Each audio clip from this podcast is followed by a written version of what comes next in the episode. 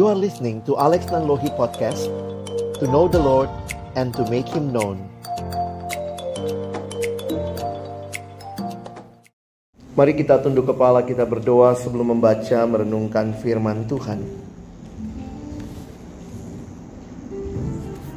Kami rindu kembali Engkau menyapa kami melalui firman-Mu sehingga pertemuan yang rutin ini bukan menjadi sekadar rutinitas, tapi benar-benar di dalamnya kami berjumpa dengan Tuhan disegarkan kembali untuk boleh menata hidup kami. Bukan sesuai apa yang kami mau, tetapi sesuai dengan kehendakmu ya Tuhan. Waktu ke depan kami persembahkan ke dalam tangan pengasihan Tuhan, Engkau yang memberkati baik hambamu yang menyampaikan setiap kami yang mendengar Tuhan tolonglah kami semua. Agar kami bukan hanya menjadi pendengar-pendengar firman yang setia Tapi mampukan kami dengan kuasa dari rohmu yang kudus. Kami dimampukan menjadi pelaku-pelaku firmanmu Di dalam hidup kami.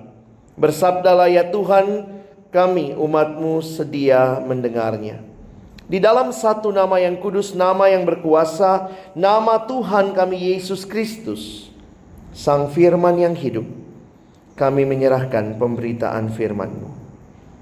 Amin. Shalom.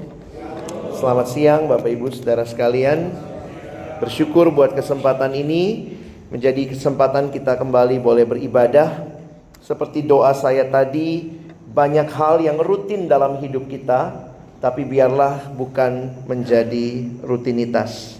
Saudara jangan takut sama hal yang rutin. Ada banyak hal yang kita lakukan dengan rutin.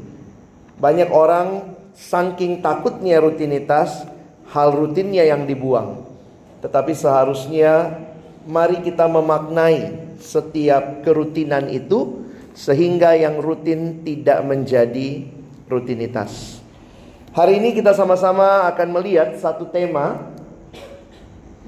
Kita akan melihat tema paradigm shift dan kita akan membaca di dalam Markus 2. Mari Bapak Ibu Saudara sekalian kita membuka Markus pasal yang kedua. Kita akan melihat di dalam ayatnya yang ke-18 Kita akan membaca sampai ayat yang ke-22. Markus pasal 2 ayat 18 sampai dengan ayat yang ke-22. Mari kita membaca bergantian pria dan wanita. Pria akan membaca ayat 18, wanita membaca ayat 19, kita bergantian sampai 22. Mari pria mulai membaca 1 2 ya. Pada suatu kali ketika murid-murid Yohanes dan orang-orang Farisi sedang berpuasa, datanglah orang-orang dan mengatakan kepada Yesus, Mengapa murid-murid Yohanes dan murid-murid orang Farisi berpuasa, tetapi murid-muridmu tidak?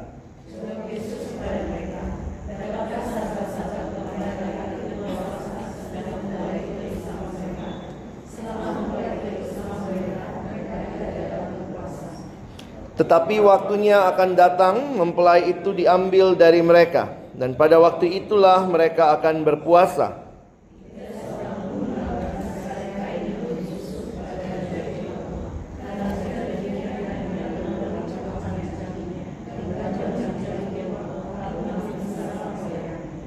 Demikian juga tidak seorang pun mengisikan anggur yang baru ke dalam kantong kulit yang tua Karena jika demikian anggur itu akan mengoyakkan kantong itu Sehingga anggur itu dan kantongnya. Tetapi anggur yang baru hendaknya disimpan dalam kantong yang baru pula. Mari lanjutkan sedikit untuk melihat konteksnya. Kita baca satu perikop lagi sesudahnya. Mari kita membaca bagian ini. Bergantian kembali saya mulai ayat 23. Saudara baca ayat 24. Kita akan bergantian sampai selesai ayatnya yang ke-28. Pada suatu kali, pada hari Sabat, Yesus berjalan di ladang gandum dan sementara berjalan murid-muridnya memetik bulir gandum.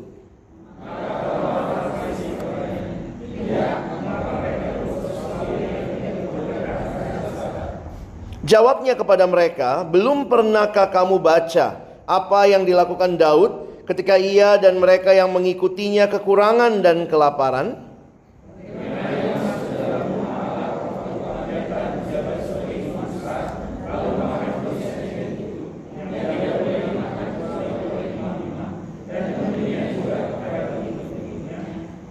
Lalu kata Yesus kepada mereka, hari Sabat diadakan untuk manusia dan bukan manusia untuk hari Sabat.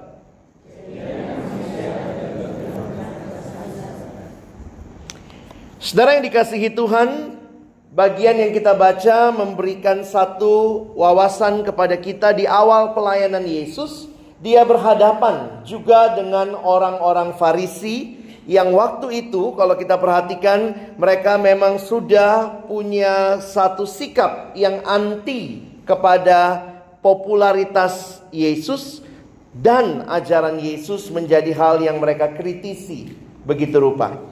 Nah, ini hal yang menarik untuk kita perhatikan bagaimana Tuhan Yesus memberikan kepada mereka pengajaran di dalam dua perikop yang baru saja kita baca. Kita akan mencoba merenungkan bagian ini dalam konteks tema kita paradigm shift, perubahan paradigma. Dan saudara memang tidak mudah mengubah paradigma apalagi kalau itu sesuatu yang sudah begitu sering kita lakukan.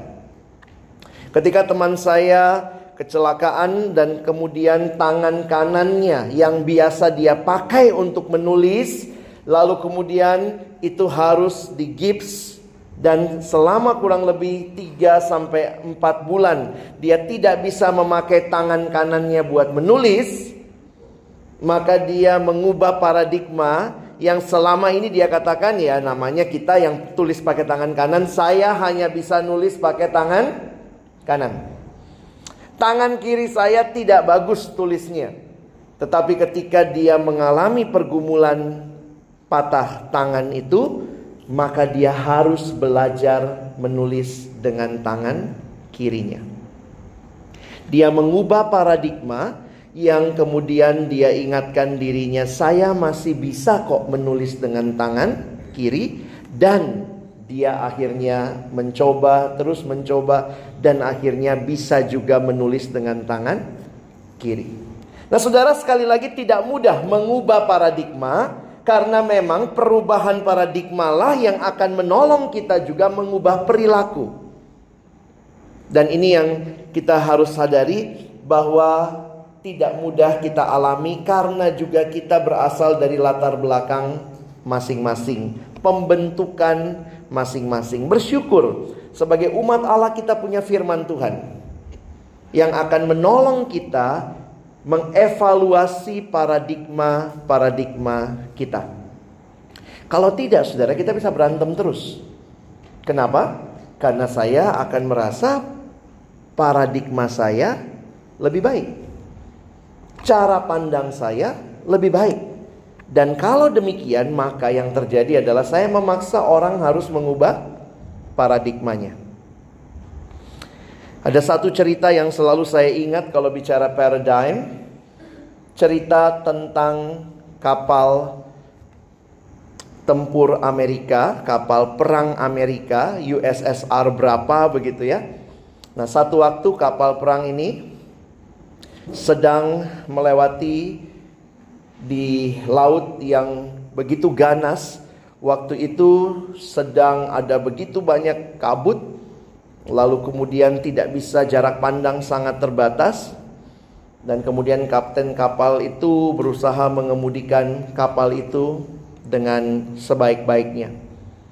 Waktu dia mengemudikan kapal itu di tengah malam yang begitu gelap, lalu kemudian terlihatlah ada cahaya dan kemudian anak buahnya mengatakan, "Kapten, ada cahaya." di depan kita. Ada kapal ini yang sedang mau menuju ke arah kita. Kapten langsung cari dengan sinyal radio lalu kemudian mengirim pesan. Kami adalah, saya adalah kapal USSR sekian, nomornya saya lupa berapa ya, anggaplah USSR 1. Ubah arah Anda 5 derajat. Lalu kemudian terdengar pesan datang lagi dari radio yang satu, membalasnya, dia mengatakan, Anda yang ubah arah Anda lima derajat. Lalu kemudian dia kirim lagi. Ini kapal perang Amerika. Anda ubah lima derajat. Sana bilang nggak bisa. Kamu ubah lima derajat. Terakhir dia mengatakan jabatannya. Saya kolonel ya letnan begitu dan segala macam. Saya pemimpin kapal besar ini. Segera ubah arah anda lima derajat. Dari sana dapat berita lagi. Anda yang ubah arah anda lima derajat. Saya mercusuar. Kadang-kadang dalam paradigm kita berharap orang yang mengubah paradigmanya. Tapi bersyukur kita punya firman Tuhan jadi standar. Karena kalau tidak kita bisa berantem, merasa diri kita yang paling benar. Dan di dalam organisasi juga ada aturan. Di dalam berkomunitas ada juga aturan-aturan yang harus kita sepakati untuk keberlangsungan hal yang baik. Ini satu realita manusia ya. Kita memang manusia itu sifatnya akan selalu punya sudut pandang. Percaya atau tidak, setiap kita waktu melihat sesuatu sebenarnya kita sedang menafsirkan dengan sudut pandang kita. Makanya gambar-gambar psikologi seperti ini bisa melihat, menolong kita melihat ya sudut pandang. Ini apa?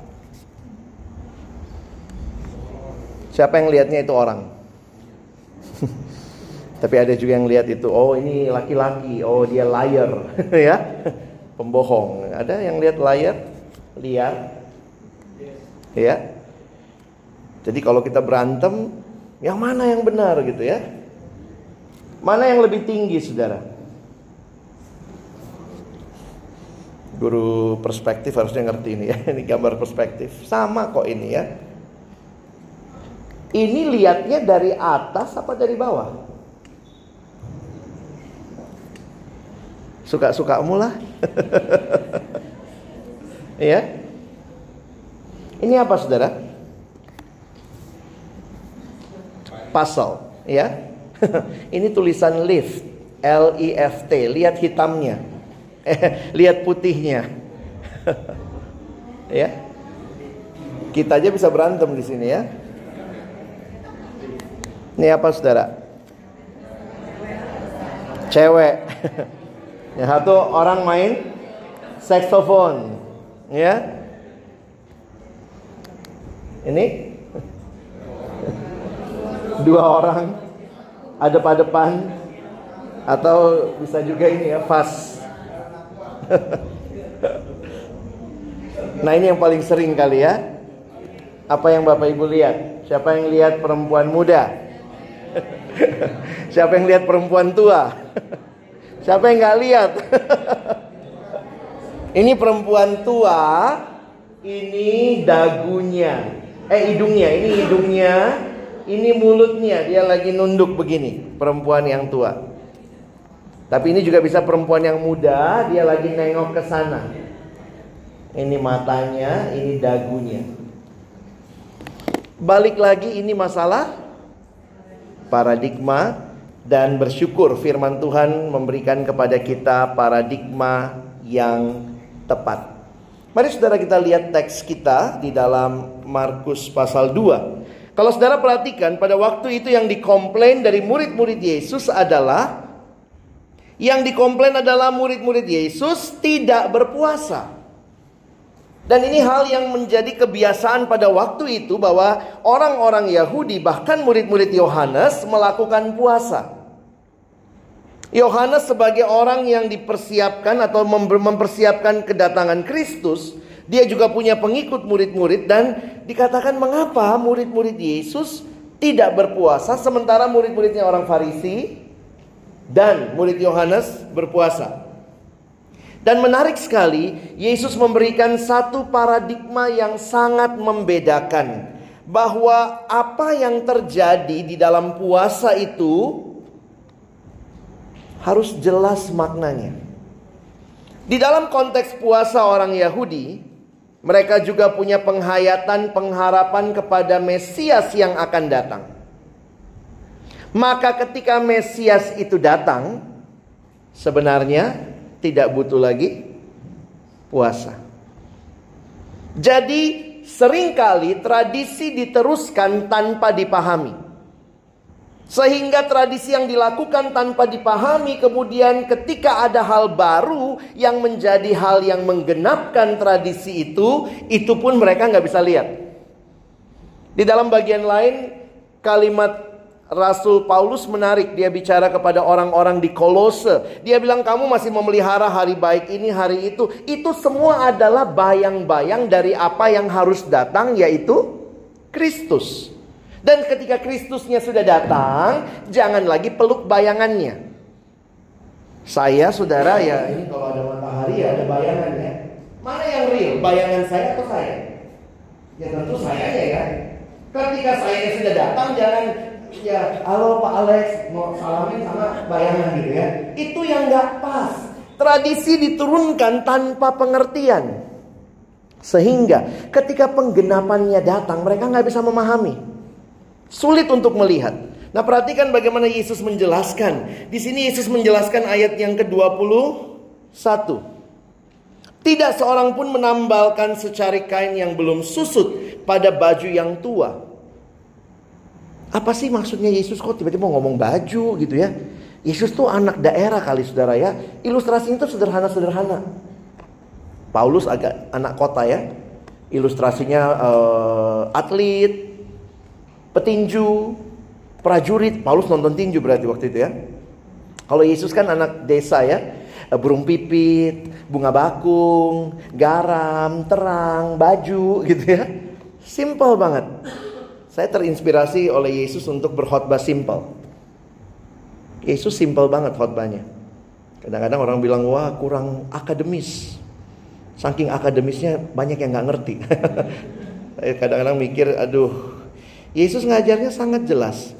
Kalau kita nambal kain yang baru di kain yang lama, maka itu koyak semua.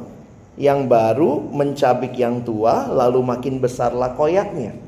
Lalu dia kasih ilustrasi lagi dari botol anggur atau tempat nyimpan anggur pada waktu itu. Dia mengatakan anggur yang baru tidak mungkin diisi ke kantong kulit yang lama. Kalau saudara mengerti soal perangguran, begitu ya.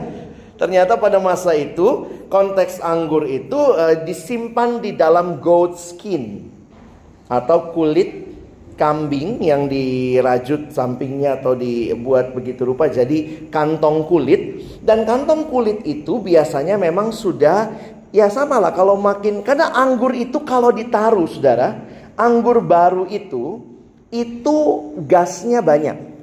Itu bisa mengoyak kantong yang lama jadi elastisitasnya udah beda ya. Karena itu biasanya anggur baru tidak diisi di kantong lama. Diisinya di kantong yang baru. Supaya masih mungkin elastis begitu tidak akhirnya meletus, meledak begitu ya. Karena mereka belum punya botol kaca seperti yang kita miliki sekarang.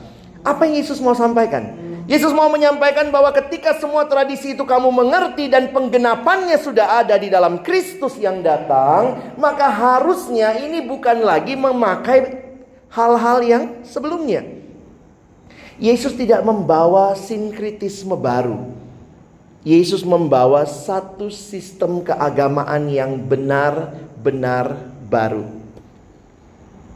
Orang Yahudi memikirkan mereka mau Yesusnya. Lihat, mereka amazed dengan ajaran Yesus. Tapi mereka masih mau mempertahankan pola hidup hukum Taurat mereka. Maka Yesus langsung memberikan gambaran tidak mungkin tambal sulam. Kekristenan bicara jubah yang baru. Bukan jubah baru, kain baru ditambal di jubah yang lama. No, this is a very totally different thing. Sistemnya baru. Dan cara pandang ini yang membuat Yesus mengajak mereka berpikir kalau begitu lihat dong. Pengantinnya lagi ada di sini, tidak usah puasa. Jadi jangan sampai turun temurun tradisi budaya, tapi sebenarnya kita tidak mengerti esensi yang sesungguhnya. Nah saudara coba lihat saya simpulkannya begini kali ya. Puasa itu bicara disiplin rohani. Ya. Kita harus bisa melihat disiplin rohani dari sudut pandang atau perspektif Kristus. Kenapa? Karena memang perspektifnya Tuhan beda banget dengan perspektif semua agama. Bapak Ibu, ini mah tipis banget bedanya. Tapi banyak orang yang belum selesai dengan agamanya yang lama, agama yang masih berusaha menyenangkan Tuhan dengan berbagai ritual, lalu kemudian jadi Kristen. Jadi kadang-kadang kekristenannya pun sinkritisme, tambal sulam. Saya kasih contoh begini. Satu waktu saya dengar ada guru sekolah minggu yang ngajar gini. Adik-adik, ini ngajarnya Mbak SD lagi ya. Adik-adik, untuk kita, jadi supaya jadi anak Tuhan kita harus rajin ke gereja, harus rajin baca Alkitab, harus rajin berbuat baik, tidak boleh melawan orang tua, harus hormat sama bapak ibu guru supaya jadi anak Tuhan. Betul nggak doktrinnya? Ini a certain list that you have to do supaya jadi anak Tuhan. Ini mah ajaran di luar sana. Kristen nggak gitu ajarannya. Yang membuat kita jadi anak Tuhan adalah karya Kristus di kayu salib. Setiap orang yang percaya kepadanya diberinya kuasa supaya menjadi anak-anak Allah. Karena kita sudah anak, maka hidup sebagai anak kita baca Alkitab, berdoa, bersekutu ke gereja, jadi jangan dibolak-balik. Ini mungkin simpel sekali, tapi persis dengan pergumulan orang Farisi pada waktu itu. Saya suka kasih ilustrasi sama anak-anak siswa. Saya tanya sama mereka, kalau kamu anak yang tinggal di rumah sama orang tua, numpang tanya, kamu misalnya pagi-pagi bangun, kamu nyapu, kamu ngepel, kamu bantu beres-beres rumah. Kamu lakukan itu supaya jadi anak atau karena kamu anak? Ada nggak yang habis nyepel, bantu-bantu beres rumah, lalu bikin proposal, Papa, Mama, terima saya sebagai anak. Dibilang gila itu. Itu dilakukan karena sudah anak. Apa tujuan berdoa? Apa tujuan bersaat teduh? Apa tujuan kita datang ke gereja? Bukan supaya jadi anak Tuhan. Kalau anak Tuhan bisa dicapai dengan hal itu, maka karya Kristus sia-sia. Jadi memang Yesus tidak membawa sistem keagamaan yang lama dicampur yang baru. No. Sistem yang benar-benar baru. Semua agama mengajarkan do something, do something. Nanti kalau kamu udah lakukan lalu Tuhan kasih sesuatu kepadamu. Itu semua pengajaran agama. Makanya kalau kita lihat sistem beragama itu model nyogok. Tuhan, oh, ayo nih udah kasih nih, ayo berkati. Kalau ada KPK surgawi, ketangkep kita semua. Yesus tidak mengatakan bukan demikian. Beda sekali. Ini kalau kayak di apa ya? Ini sistem yang sama sekali baru. Kalau mungkin Bapak Ibu ke Pertamina di pom bensin mulai dari nol ya. Restart. Ini bukan sistem lama yang dilanjutkan di modif. No, this is a totally new things. That's why it's called good news. Ini kabar baik. Kabar sukacita yang tidak dipahami oleh orang-orang sebelumnya. Sama sekali baru. Saudara lihat ya, cara dunia selalu berpikirnya begitu. Dunia berpikir doing, doing, doing, baru dapat status. Itu cara dunia berpikir. Dan itulah cara semua agama berpikir. Doing, doing, doing, supaya dapat status. Kristen nggak gitu kan? Dapat status dulu, makanya doing. Contoh. Apakah Bapak Ibu di sini rajin ke sekolah, makanya jadi guru atau karyawan IPK, atau karena diterima dulu jadi karyawan IPK, diterima dulu jadi guru IPK, baru rajin ke sekolah. Apakah rajin ke sekolah supaya jadi guru? Apakah rajin ke sekolah supaya jadi karyawan? Tidak. Logikanya diterima dulu, statusnya dapat dulu baru rajin ke sekolah. Nah, kalau sudah diterima tidak rajin ke sekolah, itu namanya kurang ajar. Jadi makanya orang suka nanya, saya lakukan saat teduh itu supaya saya selamat? Tidak, justru karena sudah selamat. Lalu ada yang bilang, oh kalau saya sudah selamat, saya malas saat teduh. Itu kurang ajar. Sudah selamat, harusnya hiduplah sebagai orang yang diselamatkan. Ini paradigmanya beda. Yesus tidak mengajarkan mereka sesuatu dilakukan demi mendapat sesuatu keselamatan, tapi karena engkau selamat, Kristus sudah hadir mempelai pria ada, maka lakukan. Sebagai satu respon, semua hal termasuk disiplin rohani bukan syarat keselamatan, tapi respon karena sudah selamat. Karena itu kita melakukan saat teduh itu dengan sukacita. Ini Bapak Ibu kan tiap pagi saat teduh ya. Pimpin di kelas lagi ya. Apa kita suka cita atau terbeban nih, terpaksa nih? Jangan-jangan poin kita, soalnya saya pernah ada satu anak, waktu dulu kami kelompok kecil di kampus biasa dia lari datang ini udah terlambat satu jam lari kemudian aduh sorry kak dia ngos-ngosan saya bilang kenapa sih lo kita kelompok kecil jam 8 lu baru jam 9 iya kak aduh habis tadi pagi tuh saya waktu mau naik bus hampir jatuh dia tinggal di Priuk kami kuliah di Depok di tengah jalan nggak dapat duduk lagi kak, capek banget. Begitu turun bus dia lari lagi masuk ke kampus, hampir jatuh lagi. Jadi kayaknya sial banget dia hari itu. Lalu kemudian saya bilang ya udah duduklah. Nah ada satu kalimat yang saya kaget gitu ya. Ini anak orang Kristen, maaf anak pendeta. Jawabannya begini. Iya ya apa nggak karena nggak saat teduh ya makanya gue sial banget hari ini. Apa tujuan saat teduh? Hmm? Nolak kesialan, nolak bala. Itu yang bikin makanya gereja penuh kalau mau ujian. Anak mau ujian, gereja penuh. Kenapa? Karena kita semua sistemnya itu sistem dunia nyogok Tuhan. Ayo Tuhan, kasih dong. Yesus bilang, no, this is a very new thing. Mulai dari nol ya. Ini bukan satu sistem doing something to get something. Tapi karena engkau sudah diselamatkan. Makanya kalau Bapak Ibu bisa punya paradigma yang baru. Biarlah waktu Bapak Ibu memimpin saat teduh terlihat sukacitanya. Jadi anak-anak juga bisa lihat nih. Wah sukacita nih. Ini bukan. Oke deh yuk mari saat teduh lagi ya. Kayak jualan. Apa yang Bapak Ibu secara paradigma miliki akan keluar dalam sikap kita. Tapi kalau kita punya paradigma yang benar, maka disiplin rohani kita lihat dari sudut pandang Kristus. Memang indah sekali Tuhan memberikan kepada kita hidup yang diselamatkan, beda sama dunia. Makanya saya kalau lihat ya orang-orang ini puasa sekian lama, sedih banget ya. Menyenangkan Tuhan, jadi nyokok Tuhan gitu ya. Makanya ada seorang bernama Charles Spurgeon.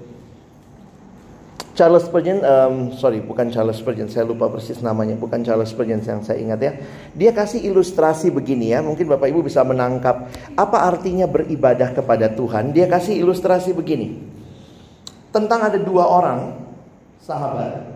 Satu ini adalah seorang petani, jadi suatu waktu petani ini mereka tinggal di sebuah kerajaan. Waktu petani ini panen, dia datang ke raja.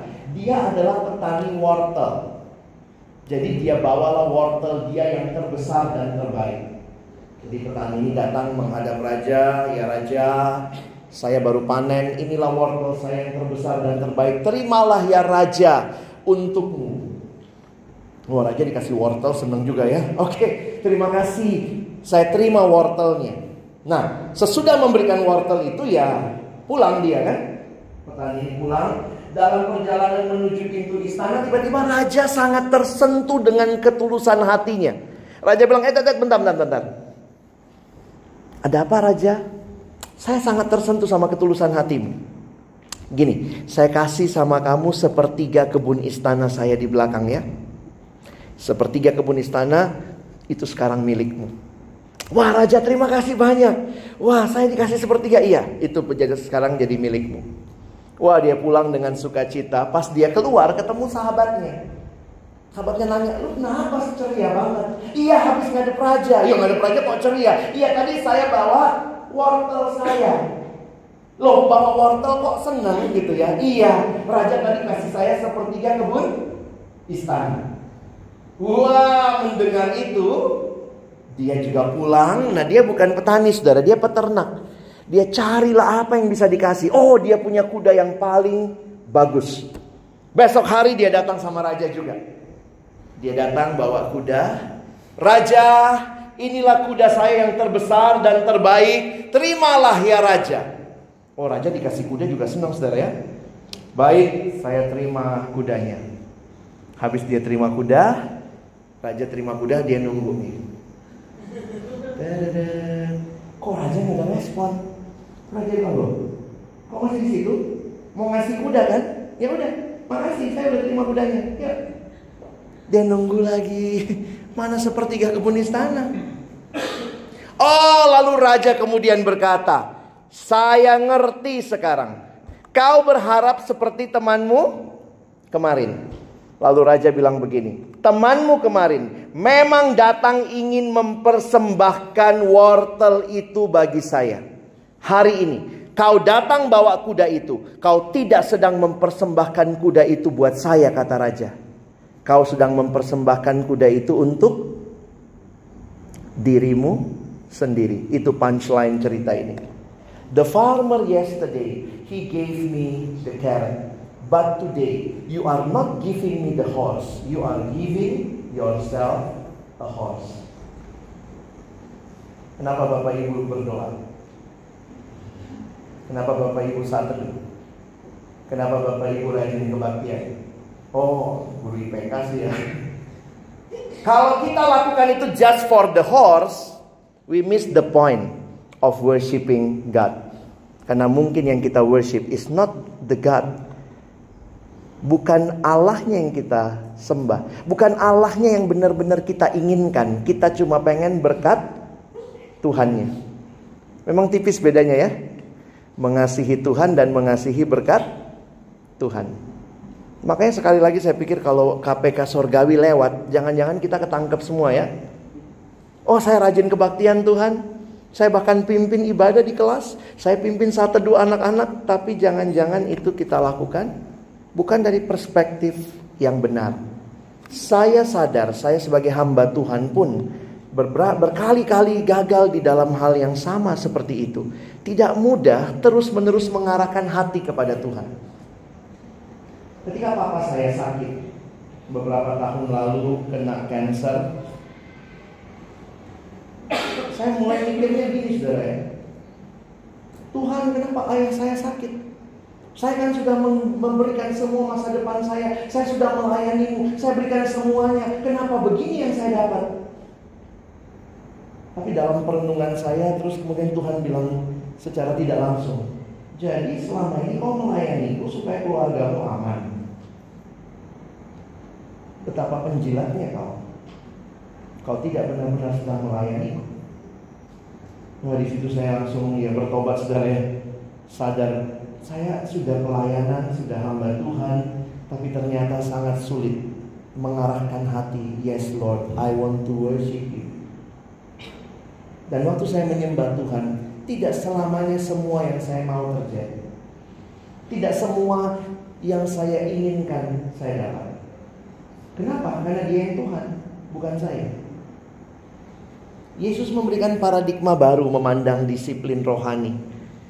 You do the disiplin rohani to worship me. Untuk menikmati relasi dengan aku.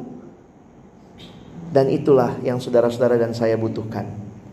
Waktu saya khotbah begini di gereja saya, ada yang datang sama saya, Pak, kalau khotbah begitu nanti nggak ada loh yang mau ke gereja.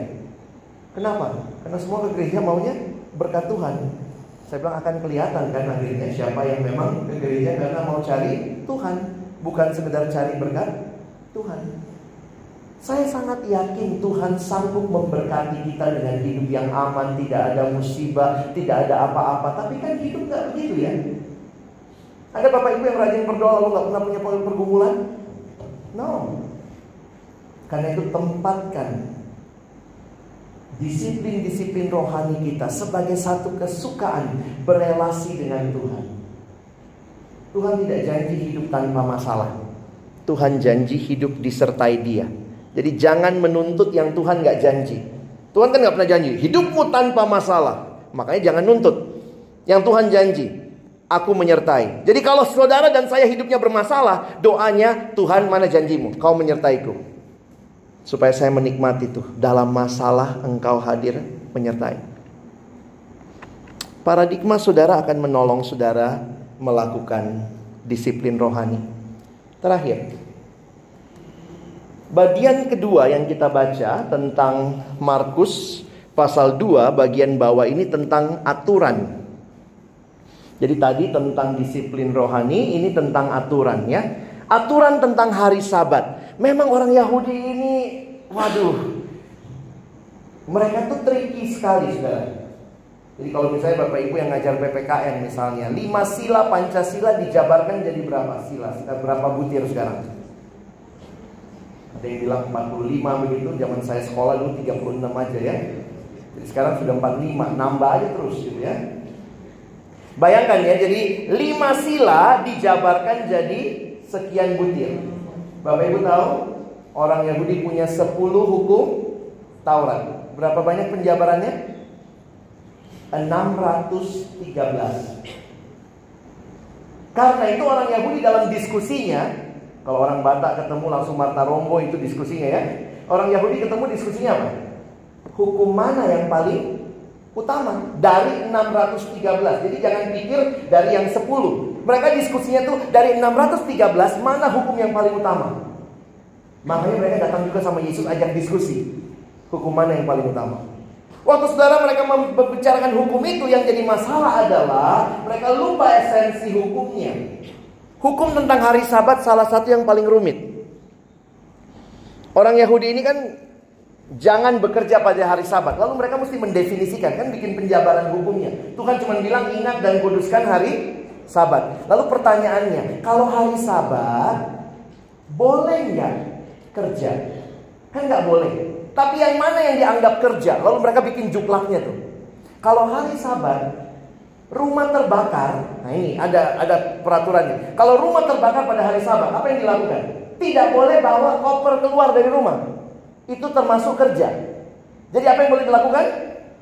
Pakai baju sebanyak mungkin, lalu lari sama baju itu. Itu yang boleh diselamatkan. Itu pinternya orang Yahudi ya. Triki-triki gitu. Kalau lembumu jatuh ke dalam lubang pada hari sabat, apa yang kau lakukan? Kan nggak boleh ngangkat. Kalau masih bisa tunggu sore, biarin aja sampai sore. Kalau kelihatannya agak susah, lemparkan kayu ke dalam, biar dia belajar naik sendiri. Kalau nggak bisa, ya udah akhirnya tolong juga gitu ya. Makanya itu yang Yesus bilang, lembumu aja kalau jatuh kau tolong. Itu kan ngelanggar sabat juga. Kan ini kan masalah triki-trikinya gitu ya. Kalau mereka mau, kalau sahabat boleh nulis surat nggak? Itu mereka perdebatkan. Akhirnya dia bilang tidak boleh nulis surat. Karena itu pekerjaan berat. Kalaupun terpaksa harus nulis surat, maka tintanya harus dicampur dengan lebih banyak air sehingga lebih encer, lebih ringan. Gila nih orang-orang. Dan bayangkan kalau ketemu ngobrolnya begitu. Nah, ini masalahnya. Boleh nggak? Nah murid Yesus nampaknya waktu jalan hari sabat begini. Seret dibulir gandum. Ah. Eh, makanya dibilang kenapa muridmu memetik gandum pada hari sabat. Jadi mereka akhirnya Yesus pakai contoh perjanjian lama. Kalau di perjanjian lama Daud aja pernah makan roti yang dipersembahkan itu kan roti yang nggak boleh di bagi-bagi gitu itu untuk untuk ibadah. Tapi pernah kok diizinkan oleh imam Tuhan izinkan sehingga Tuhan Yesus mengambil esensi aturannya apa? Kamu jangan sibuk sama boleh tidak bolehnya, tapi esensinya apa? Jangan-jangan aturan itu sudah tidak memanusiakan manusia. Makanya Yesus bilang sekarang, aku Tuhan atas hari sabat. Siapa yang lebih tinggi, aturan sabat apa Yesus? Yesus. Kita perlu memandang aturan dari sudut pandang perspektif Kristus. Nah, memang ini bisa banyak perdebatan, banyak hal yang bisa kita diskusikan, tapi paling tidak saudara tangkap esensinya. Ketika paradigma baru ini akan memberikan keleluasaan. Karena kalau sebelumnya kalau melanggar aturan, maka sudah selesai hidup lo. Tapi ada aturan-aturan yang bagi Yesus itu kamu lakukan bukan mengikuti kehendakku. Kalau saudara baca Matius 15, ada juga kalimat begini ya. Mereka itu kan harus kasih persembahan. Nah, kalau uang untuk memelihara orang tua mereka, mereka persembahkan ke baik Allah, maka orang-orang Yahudi yang muda itu merasa saya sudah lepas tangan. Sekarang pemeliharaan orang tuaku urusan baik Allah. Itu yang Yesus tentang di Matius 15. Nanti kalau Bapak Ibu baca lagi. Jadi akhirnya Yesus masuk ke esensi. Dan karena itu Yesus mengatakan hukum yang pertama kasihi Tuhan Allahmu. Hukum yang kedua kasihi sesamamu. Paradigma kita harus ingat seluruh hukum ini demi mengasihi Allah dan mengasihi sesama manusia. Hati-hati kalau hukum-hukum yang dibuat ternyata tidak memuliakan Allah dan mendiskreditkan manusia. Hari ini kenapa sih bahas ini? Saudara, mungkin ini yang perlu kita ingat bagian terakhir ya. Eh sorry, saya yang terakhir tadi pak. Sekolah tempat bapak ibu mengajar jadi karyawan di sini eh, banyak aturan juga kan? Ya ini ya. Bapak Ibu akan ada di dalam satu sistem yang harus memimpin disiplin rohani, anak-anak diajarin untuk saat teduh, diajakin ikut kebaktian, tapi kiranya Bapak Ibu sendiri juga menikmati itu dengan paradigma yang baru. Namanya sekolah ya pasti ada aturan Bapak Ibu ya. Dan aturan itu juga harus kita lihat dari perspektif. Kadang-kadang memang yang membuat aturan dan kita yang dikenai aturan perspektifnya bisa beda. Tapi mari kita ingat baik yang membuat aturan maupun yang dikenai aturan, tujuan aturan sebenarnya untuk memuliakan Allah dan di dalamnya orang lain juga boleh mendapat berkat. Sehingga kita boleh protes ketika aturan-aturan itu tidak memanusiakan manusia.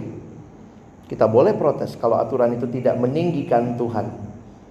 Dan saya pikir ini jadi batasan-batasan yang perlu paradigma yang baru. Saya harus sadari bahwa melayani generasi ini makin tidak mudah. Bapak Ibu juga pasti alami ya. Anak-anak susah sekali taat. Tapi waktu lihat-lihat, eh gue juga susah taat ya. Gak jauh beda, cuman mereka lebih ekspresif kadang-kadang ya anak sekarang. Tapi poinnya apa? Saya lihat iya ya, kalau kita belajar esensinya. Mungkin sekarang dia belum lihat manfaatnya. Tapi ternyata di kemudian hari itu cara Tuhan juga mendisiplin menolong dia. Dan karena itu saya terus berdoa kiranya sekolah-sekolah Kristen termasuk IPK menjadi tempat di mana Tuhan menyatakan bahwa baik aturan, baik disiplin rohani, ada perspektif yang baru melakukannya.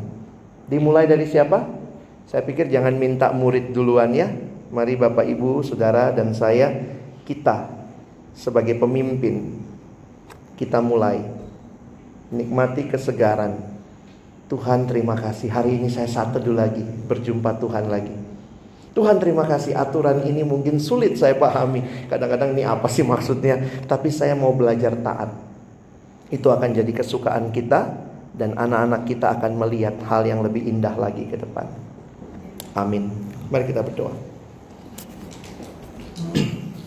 Bapak Surgawi terima kasih buat firmanmu. Terima kasih untuk cara pandang yang baru yang Tuhan berikan. Dan kami mau juga menghidupi perspektif paradigma yang baru ini. Bukan tertekan dengan disiplin-disiplin, tapi bersuka cita. Karena kami tahu disiplin itu tujuannya mendekatkan kami kepadamu bukan terkungkung dengan aturan-aturan, tapi kami bisa belajar melihat aturan-aturan dibuat supaya ada keteraturan ketertiban di dalamnya Tuhan dimuliakan dan kami semua diberkati. Biarlah apa yang Yesus ingatkan dan ajarkan ini juga menjadi perspektif kami melihat apa yang ada di sekitar kami. Secara khusus di sekolah ini hamba berdoa biarlah setiap disiplin rohani yang harus dilakukan dikerjakan bukan semata-mata demi keberlangsungan belajar mengajar saja, tuntutan aturan sekolah kurikulum, tapi lebih lagi jadi sukacita boleh kenal Tuhan. Kebaktian demi kebaktian kami nikmati. Memimpin anak-anak saat teduh, kami berdoa pagi, kami beribadah, semua kami nikmati dalam kerinduan mengenal Tuhan lebih lagi. Terima kasih Tuhan. Tolong kami bukan cuma jadi pendengar firman, jadikan kami pelaku-pelaku firman-Mu dalam nama Yesus kami berdoa. Amin.